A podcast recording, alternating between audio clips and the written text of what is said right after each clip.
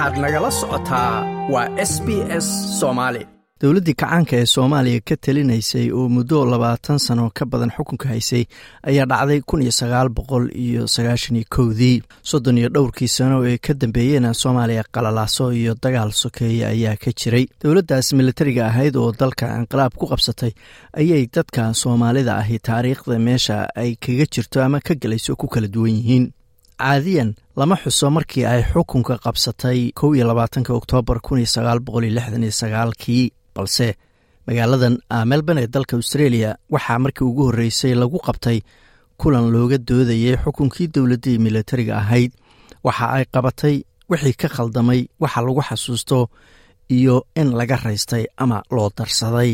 Kulanka ayaa waxaa soo qabanqaabiyey laba aqoon-yahan oo kale ah axmed maxamed nuur iyo doctor maxamed cabaas waxaana weydiiyey ujeeddada kulankan. Waa kan axmed nuur oo marka hore ka jawaabaya su'aashaasi.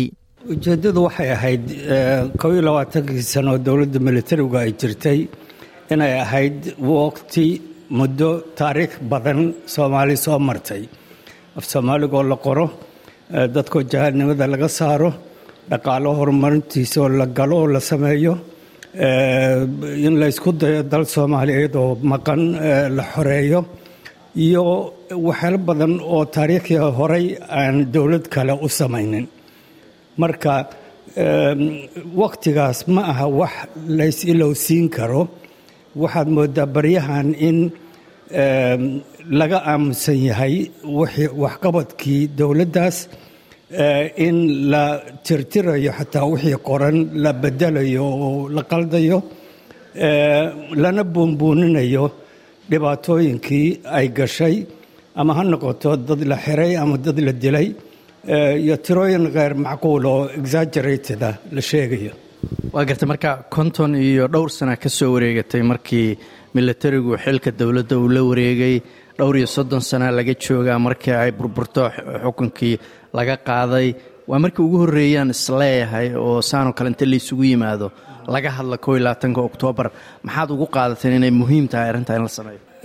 Waxaan arkay sidii goordhow aan u sheegay in taariikhdii la qaldayo oo qoraallo badan oo social mediada iyo iyo qoraalada sida wikipedia iyo wixii lamida ku jira laga been sheegayo ama lagaba tirtirayaba qoraalaad arkaysaa la leeyahay dowladdii faashistiga talyaanigu waxaas waxaasi samaysay laakiinse wixii ka dambeeya oo ka weynaa horumarin dhaqaale ama dhismooyin dekado iyo iyo jidad oo dowladdii kacaanku ay gashay aan la sheegahayn. Taasna dad baa hadda nool iyo ka dambeeya. Waa garta dad baa laga yaabaa markii la sheego dowladdii militariga inayba dhahaan dhibaatada soomaaliya ku dhacday waxa weli socdaba iyada ka mas'uula dadka maxaa ku dhihi lahay mas'uuliyad waa ku leedahay laakiin waxaan qabaa inaysan boqolkiiba boqol dowladdaas keligeed lahayn mas'uuliyadda. Dadka soomaaliyeed sida doodan aad xasanoo maqlaysay dabcigooda iyo ma garanaysaa iyo taariikhdooda waxa weeye musuq maasuq waxaa la yidhaahdo weligiis waa jira dowladdii diidmo iyo in ay u hoggaansamaan oo daacad u noqdaan dowlad weligeed waa diidanaayeen. Taariikh hore oo ma garanaysaa hadda dheer oo soomaalidu ay dowladnimo ku dhex jirtay ma jirto. Marka bisayl siyaasadeed bisayl taariikhiya yaa dadkii ka maqan. Maxaa ugu weynaa oo ka khaldamay baad isleedahay dowladdaas wallaahi hadda in hindsight sida la yidhahdo haddaan dib u fiirino gafafkii ay gashay oo ama dad la dilayo dowladda ka soo horjeestay ama askar dowladda ku kacdoontay ama dad la xirayo oo lagu hayb iyo wixii lamida lagu xirayo waxyaalo waxa weeye gaf ahaa oo ay ka kaaftoomi kartay oo si kale si intaas ka dadnimo fiican ay u maamuli karta waa garta ugu dambaynta dhowr iyo soddon sana laga joogaa markii dowladdu ay dhacday ma loo darsaday mise waa laga raystay? Ilaa hadda waxaan filayaa horta hadaad si u fiirisid qofkii ay la culus tahay wixii gafafkii ay dowladdaas gashay marnaba dhihi mayo waa loo darsaday laakiinse marmar qaarkood oo ay naftooda gudaha la hadlaan oo ay iswaraystaan iyagu dhexdooda waxay gaari doonaan ama gaaraanba go'aan ah waa loo darsada bismillahi raxmaan raxiim xasan aad baad umahadsan tahay iyo idaacadda s b s qaybta af soomaaliga. Maanta waxay ku beegan tahay koob iyo labaatankii oktoobar madasha ama shirkii maanta aqoon-yahanadu isugu yimaadeen waxaan ka sheegnay ujeeddada kulankan waxa weeye in taariikhda siyaasadeed ama political history waxa afka qalaad lagu yidhaahdo ee soomaaliya maalintani inay tahay maalin aanay suurtagal ahayn in ama indhaha laga qabsamo ama inaan wadankii waxba ka dhicin oo aan gaar ahaan jiilkii cusbaa oo sagaashan iyo kowdii kadib dhashay aanay ka warhaynin. Marka ujeeddada ugu muhiimsan waxa weeye bal dadka soomaaliyeed inay iska waraystaan maalintii ciidamadu ay dalka la wareegeen koob iyo labaatankii sano dowladdii milatariga ahayd maxaa u qabsoomay maxaa ka hallaabay ama khaladaadkii ay galeen ujeeddada ugu weyni saasay ahayd gaar ahaan dadka jiilka cusub inaan u sheegno in maalintaas ay tahay maalin weyn oo aad ugu xusan taariikhda siyaasadeed ee soomaaliyeed. Wixii qabsoomay wixii khaldamay waa dood ummadda soomaaliyeed u dhexaysa laakiin ma aha maalin indhaha laga qabsan karo sidii kaanamaa inaan wadanka waxba ka dhicin oo kale. Marka ujeeddadu arrinkaas ay ahayd waa garta marka laga hadlayo dowladda kacaanka oo koo iyo labaatanka sano dalka haysay waxqabadkeeda ugu waaweynaa maxaa ka mid ah? Meesha ku soo bandhigteen waxqabadkii ugu waaweynaa asxaabtii halkan meesha isugu timid qoyanu nimba meel buu ka hadlay. Ani waxaan soo qaadan tusaale ahaan xasan arrintii aan ka hadlay oo ahayd dowladdii milatarigu maxay ka qabatay xaggii waxbarashada. Warbixina aan soo ururiyey dowladdii maxamed siyaad bare ka hor dadka wax qora waxna akhriya waxay ahaayeen boqolkiiba shan ololihii horumarinta reerbaadiyaha iyo markii af soomaaliga la qoray ay dowladdu bilowday muddo yaroo kooban gudaheed ayaa waxaa dadka wax qora waxna akhriya ay gaadheen boqolkiiba konton iyo shan. Dowladdii militarigu waxay ku guulaysatay in ay tacliintii dugsi hoose ilaa jaamacad ay ka dhigto lacag la'aan. Waxyaalahaan ka sheegay madasha waxaa ka a oo cajiibka xasan oo dadka jiilka yar in loo sheega ay mudan yihiin. Ardaydii jaamacadda oo ummadda soomaaliyeed dhigan jiray markay wakhtiga fasaxa galaan oo ay ku laabanayaan gobolladii ay ka yimaadeen. Dowladdu waxa ay siin jirtay lacag baabuur raaca oo ay ku tagaan gobolkii ay ka soo jeedeen. Waxaana loogu kala badin jiray qofba gobolka uu ka fog yahay. Waxa tusaale ahaan gobolka waqooyi galbeed iyo gobolka bari ee boosaaso iyo togdheer ardayga ka yimid wuu ka lacag badnaa. Ardayga hiiraan ka yimid ee gobolka hiiraan ama bakool ku noqonaya. Marka heerkaas ayay gaarsiisnayd.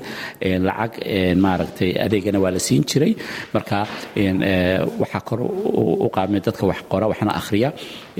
Wasiirkii waxbarashada ee wakhtiga allahu naxariistay cabdirasaaq maxamuud abubakar ayaa hay'adda weyn ee un-ta u qaabilsan xagga waxbarashada uneska la yidhaahdo markii mashruucaasi hirgalay waxa ay guddoonsiisay jaa-isad aad u weyn oo ah in muddo kooban dad dowladdii soomaaliyeed ay ku guulaysatay inay dadkii waxbarto mashruucaasna waxaa halkudhig u ahaa bar ama baro.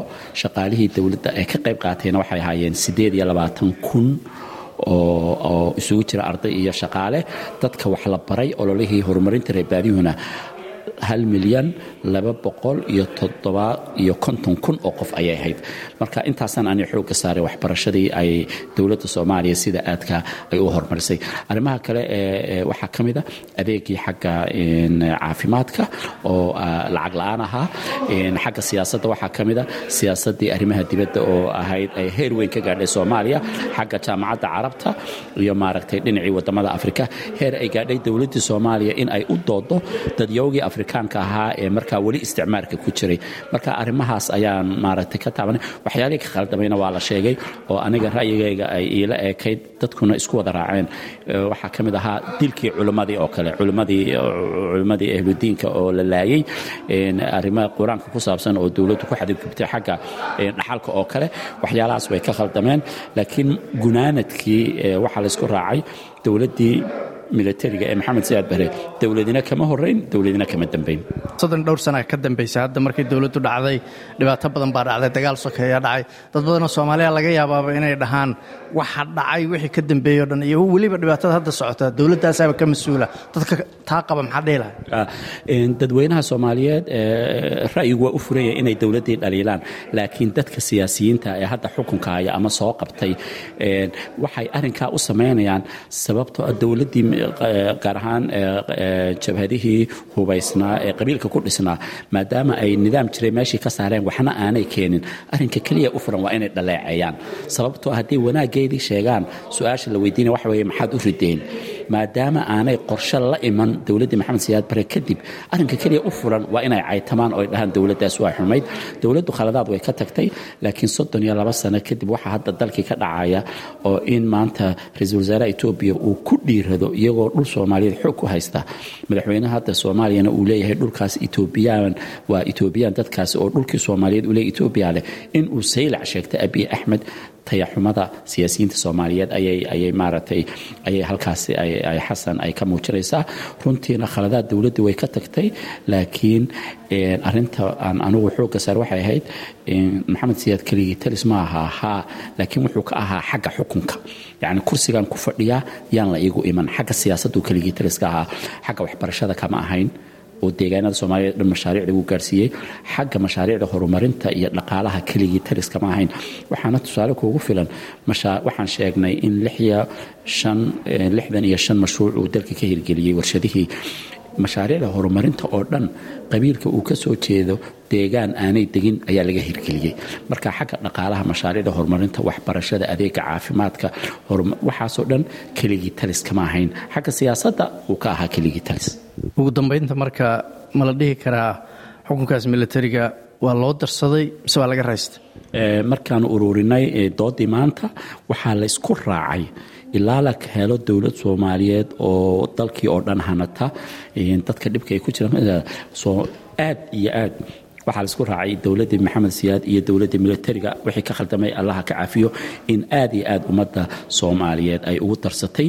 Waxaana tusaale loo soo qaatay dhul soomaaliyeed oo maqan inay raadinayeen.